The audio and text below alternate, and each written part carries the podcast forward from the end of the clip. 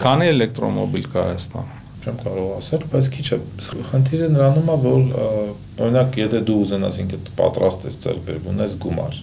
արդյոք դու ձեռք կբերես։ Դու համոզված ես, որ ունես սպասարկման Դե ենթակառուցվածք չեմ տեսնում, ճիշտ ասած։ Այսինքն մենք անդրադառնում ենք ենթակառուցվածքներին։ Ապագայից անես։ Եթե դու ապրում ես, ասենք, բարձրարկ շենքում բնակարանում, ոնց ես դու հոսանք։ Տրայնիկներով ոչեսի չէ։ Հա, այսինքն դու արդեն ստացվեց, որ միայն կարանի այն մարդը, որ ունի սեփական ճանապարհային անվտանգության մասին ենք խոսում էլի այսօր քննարկման թեման երթևեկության ապագան է ընդհանրապես ինչպեսին է լինելու ապագան, ուր մենք պիտի գնանք եւ ինչ խնդիրներ են ծառանում բոլորիս առաջ։ Զուշացիր ավտոմեքենայից ոդկասթն է եթերում ստուդիայում են Արամ Անանյան եւ Պողոս Շահյանյան։ Այ Պողոս, ինչ անել ապագայում։ Մեքենաները շատանում են, ավելի անվտանգ ամեն ինչ չի դառնում։ Որ-որի մենք նորանոր վթարների ենք ականում։ Այս կյանքը ականատես դառնում, այս կյանքը կանգնած չի, շարժվում առաջ, ուր է գնում աշխարհը, ուր են գնում մենք եւ ուր պիտի գնանք այսպիսի հռետորական հարցեր ունեմ քեզ։ Դե միանշանակ աշխարհը գնում է դեպի նվազագույն էներգիայի ծախսմանը, հա, սենց ասենք, լինի դա գազ, հոսանք կամ վառելիք ցանկացած տեսքի, եւ բնականաբար եթե խոսում ենք երթևեկության մասին, այսօր տրենդը դա եւ տենդենսը գնում է նրան, որ արտանետումները նվազացնելու խոսք գնում է էլեկտրոմոբիլների մասին։ Բայց ասեմ ձեզ, չնայած կա նաեւ մոտեցում շատերի մոտ, որ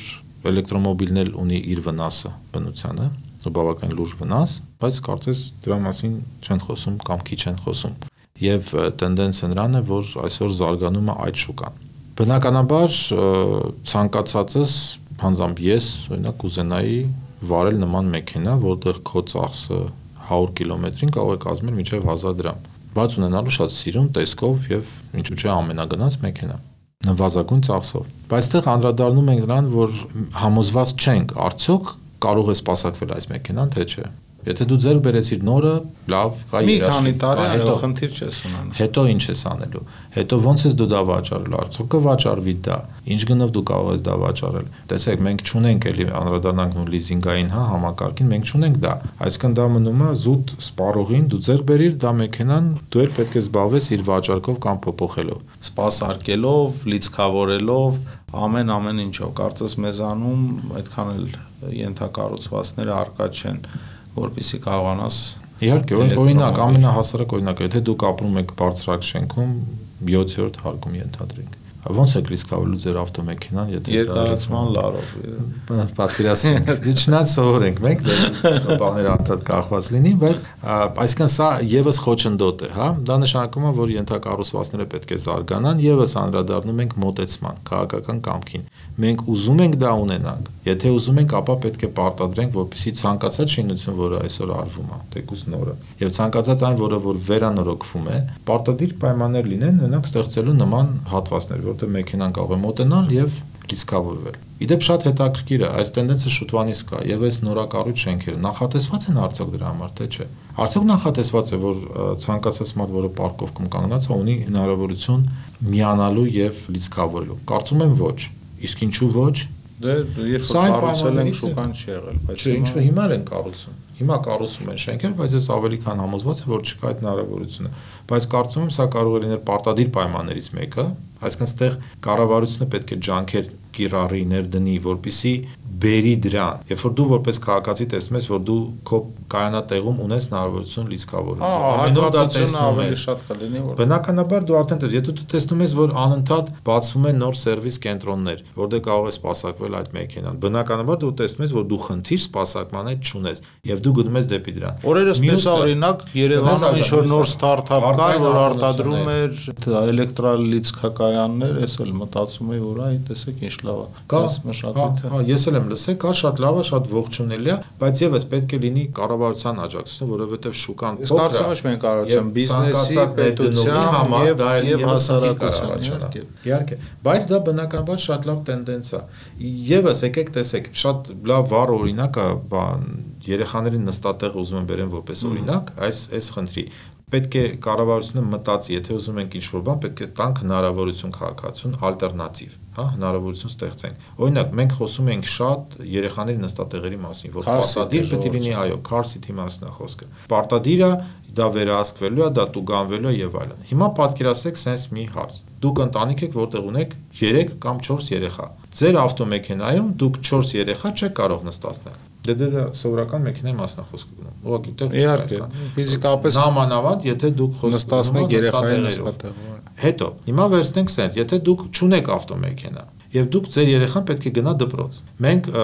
դեռ սովետի ժամանակ, չնայած հիմա Եվրոպայում էլ է տենց շատ անդված Ռուսաստան եւ այլ, բայց մեզ մոտ տենց չի ցավոք, որ երեխաները սովորում են, այցելում են մանկապարտեզ իրենց տան մոտ։ Դա տես նախատեսված է եղել միշտ։ Հիմա տենց չի, այսինքն դու կարող ես ապրել մասիվում, երեխադ սովորի, չեմ, Սարյանի վրա Եվ այդ տարածությունը անցնելու դու անցնում ես կամ քո մեքենավ կամ օգտագործում ես տաքսի ծառայություն կամ ավտոբուս։ Հիմնականում երեխաները տեղաշարժում են փոքրիկ երեխաներին, տանում են դպրոց իրենց ավտոմեքենավ կամ տաքսիով։ Կամ եւ երբեմն, երբեմն ինչ ինչ որ պատահեց։ Հիմա հարց. Մենք ունենք տաքսի սերվիս, որը կարող է իր մեջ հնարավորություն տալ 4 նստատեղով մեքենա ունենա, որպեսզի այս ընտանիքի երեխան այցելի դպրոց։ Չգիտեմ, ունենք թե չէ, բայց Ռուսաստանի փորձն էր, որ առանց, եթե երեխայի հետ ես երթևեկում եւ տաքսի ես պատվիրել, եթե քարսիտ չկա, ինք ուղակի քեզ չի վերցնում որպես ուղևոր։ Ինքը չի վերցնում, ճիշտ է, որովհետև դու գանվելու ես, բայց հիմա իսկ դու ստեղծում ես այդ հնարավորությունը, այսինքն եւս գայս ենք այն քաղաքականության, որ մենք պետք է մտածենք այն ընտանիքների մասին, որտեղ կա 3-ից ավել երեխա կամ թեկուզ 2-ից ավել երեխա, որտեղ խնդիրը ինչու՞մն է, երբ մենք խոսում ենք լիցենզավորելու օրինակ նույն տաքսի սերվիսը, մենք կարող ենք դնել միշտ պայման, որ ավտոպարկը պետք է ունենա առնվազն 20 կամ 15%-ը զինված լինի նստատեղերով։ Վեր դու դրեցիր այդ պայմանը, եթե ուզում ա մարդ բացի տաքսոպարկ ուզում այդ բիզնեսով, ինքը պետք է դա ունենա։ Նույնը վերաբերում հաշվանդամներին եւ այլն։ Մենք այսօր դա կարգավորված չի։ Մենք այսօր ով կարող ասել, որ տաքսի սերվիս ունի հաշմանդամության համար նախատեսված պար, չկա դες բան։ Պայման չի դրված եւ այլ խնդիրներ, որի մասին կարծում եմ Արամ ջան մենք դեռ կխոսենք, որովհետեւ սա մի այլ ոլորտ է իդեր։ Ես ուզում եմ նորից վերադառնանք ապագայի խնդիրներին, որովհետեւ սկսեցինք շատ կարևոր հարցից, ելի շատ այլ կարևոր հարցի անդրադարձանք մեր ամենօրյա կենցաղին վերաբերող։ Հիմա որտեղ ենք մենք լինելու, եթե ռեֆորմները չանենք եւ ինչ պիտի անենք, որ մեր